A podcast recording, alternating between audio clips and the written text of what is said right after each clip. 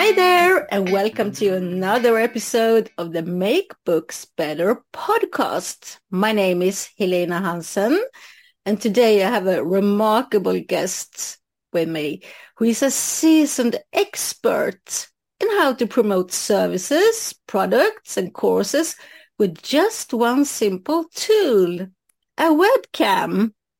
A warm welcome to you, Gary Rogers. Oh, thank you, uh, Helena, for those nice words. It is great to be with you. Oh, yeah, it's great, great to have you here. Um, I'm thrilled because, yeah, I remember when we we have been we have met at lots of uh, networking events, and uh, what I do remember is that you made everybody feel good about themselves. Thank you.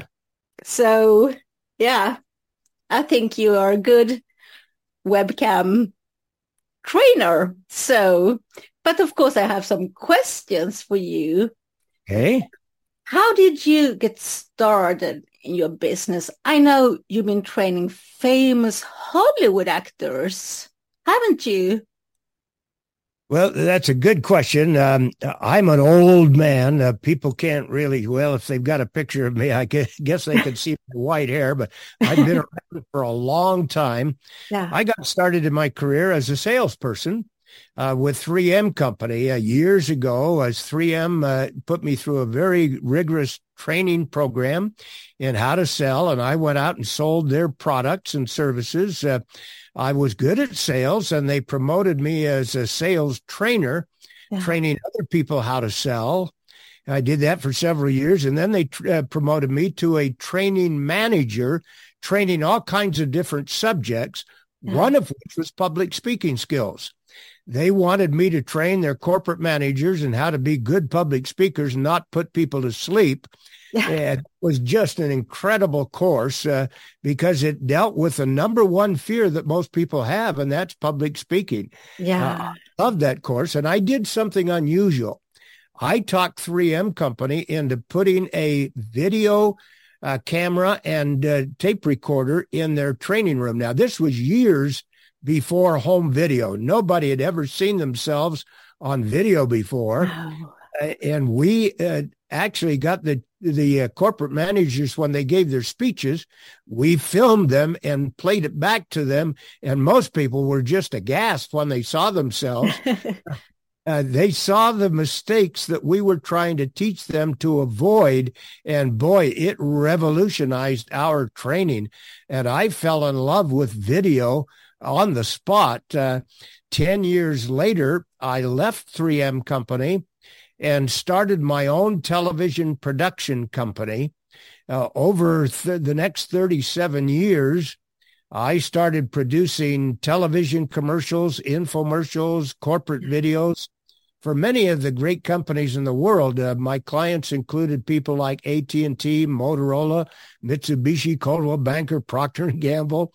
Yeah. I sold my business uh, about uh, 14 years ago and retired. Uh, mm-hmm. that lasted all of two weeks. I got so sick of just sitting doing yeah. nothing. I knew I had to do something else. I couldn't do that the rest of my life. So I decided I would go online on the internet and coach people on how to build their businesses and, and promote their services using a webcam, which is the new television camera. Yeah. Uh, you mentioned I've worked with uh, Hollywood stars uh, during my production career. Uh, I had uh, an opportunity to to direct a lot of Hollywood stars, uh, including Academy Award winning actor Charlton Heston. And I tell everybody if I can direct Moses, yeah. I, am not going to have any problem directing them in in what I'm trying to do online. Uh, it's the most fun thing I think I've ever done. Yeah, wow, you have, yeah, you have a lot in the, your baggage, your background. What a journey. Well, so, it, it has been a great journey, but a lot of hard work. Uh, nothing comes easy. Uh, no. You got to work at it. Yeah, but you're an expert. So how can a webcam promote, for example, a book? Oh, that's a great question. I think probably three quarters of all of my clients are authors. Wow. In, in fact, a good many of them are, they have their own courses on how to teach other people how to write a book. Yeah. Uh, people like Kelly Filardo and uh, Angela Heath, uh, Lexus Johnson, I could go on and on. Uh, they've got their own courses helping other people write books. Uh, so I, I work with authors uh, virtually every day of my life. Yeah. The biggest struggle that authors have and the biggest struggle that coaches have. In fact, your audience may not be aware that uh, the second fastest growing industry in the world today is online coaching. Yeah. Virtually anybody could start their own business online using a webcam. Yeah. Uh, when the pandemic hit, uh, Zoom had 10 million clients. Yeah, it's amazing. Two months of the pandemic, Zoom had 200 million clients. The whole world has gone to webcams. Uh, and it is just the most powerful promotional tool, sales tool, and training tool I've ever seen in my life. Uh, but most people, bless their hearts, don't even have a clue how to use a webcam to promote their services, to promote their books, uh, their products, their courses, whatever. And it's one of the easiest things that anybody can do. Uh, back to your question, books, yeah. promoting. Uh, the, the biggest struggle the authors have is promoting books, promoting their own book. So many authors have a passion to write about whatever, whatever they're passionate about. The problem is once they've got the book, uh, what do you do with that book? How do people uh, know about the book? How do you promote it? How do you get your word out? Exactly. You've got uh, lots and lots of money to spend on advertising, which most authors don't have. No. It, it's really a struggle for them.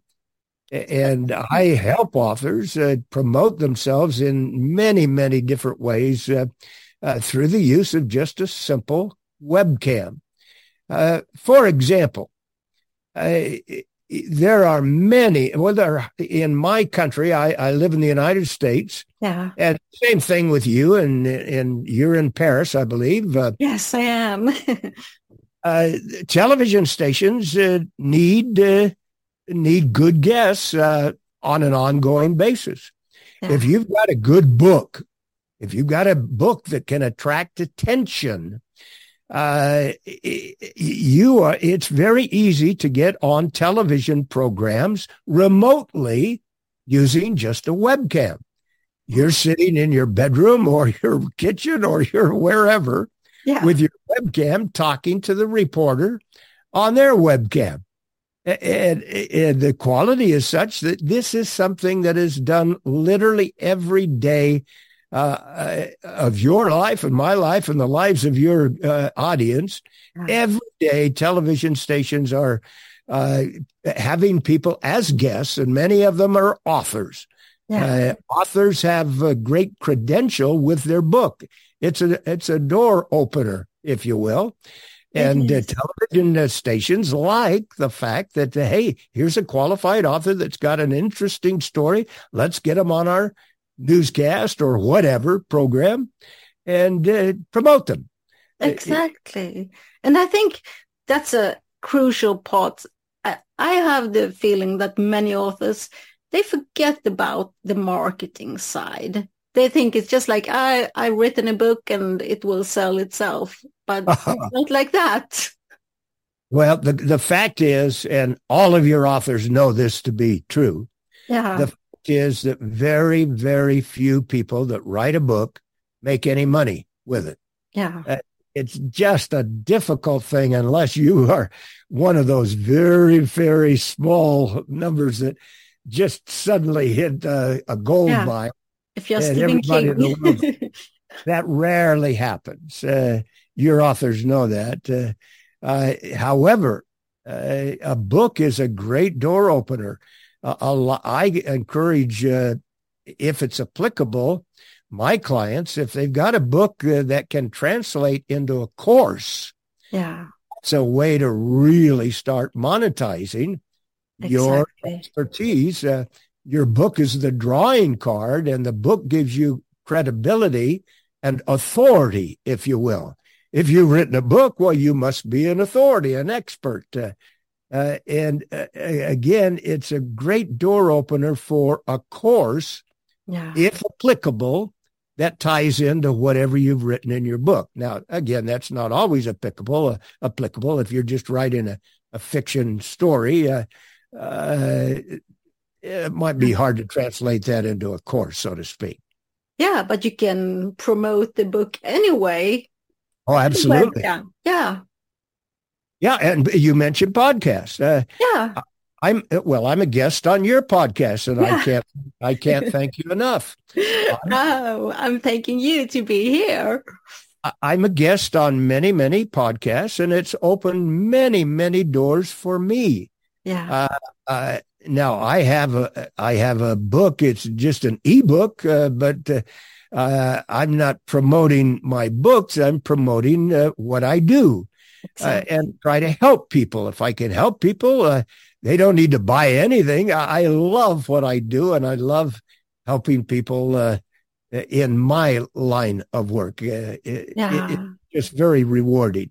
And yeah. you can do that virtually anytime anybody appears on a podcast uh, talking about what they do and how they might be able to uh, help other people with what they do. Yeah.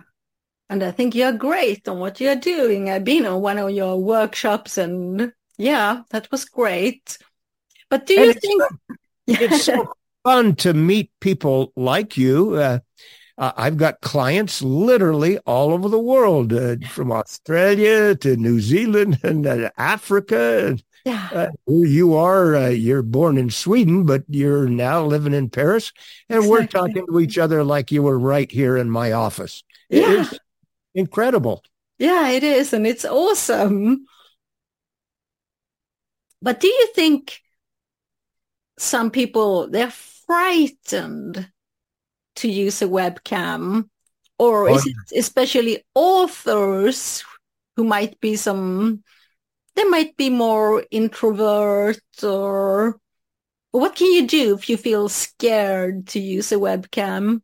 Well, that, that the majority of every human being on the face of the earth uh, has those feelings. They're scared. They're frightened yeah. because using a webcam it, it, requires people to step out of their comfort zone and do something that they're frightened with.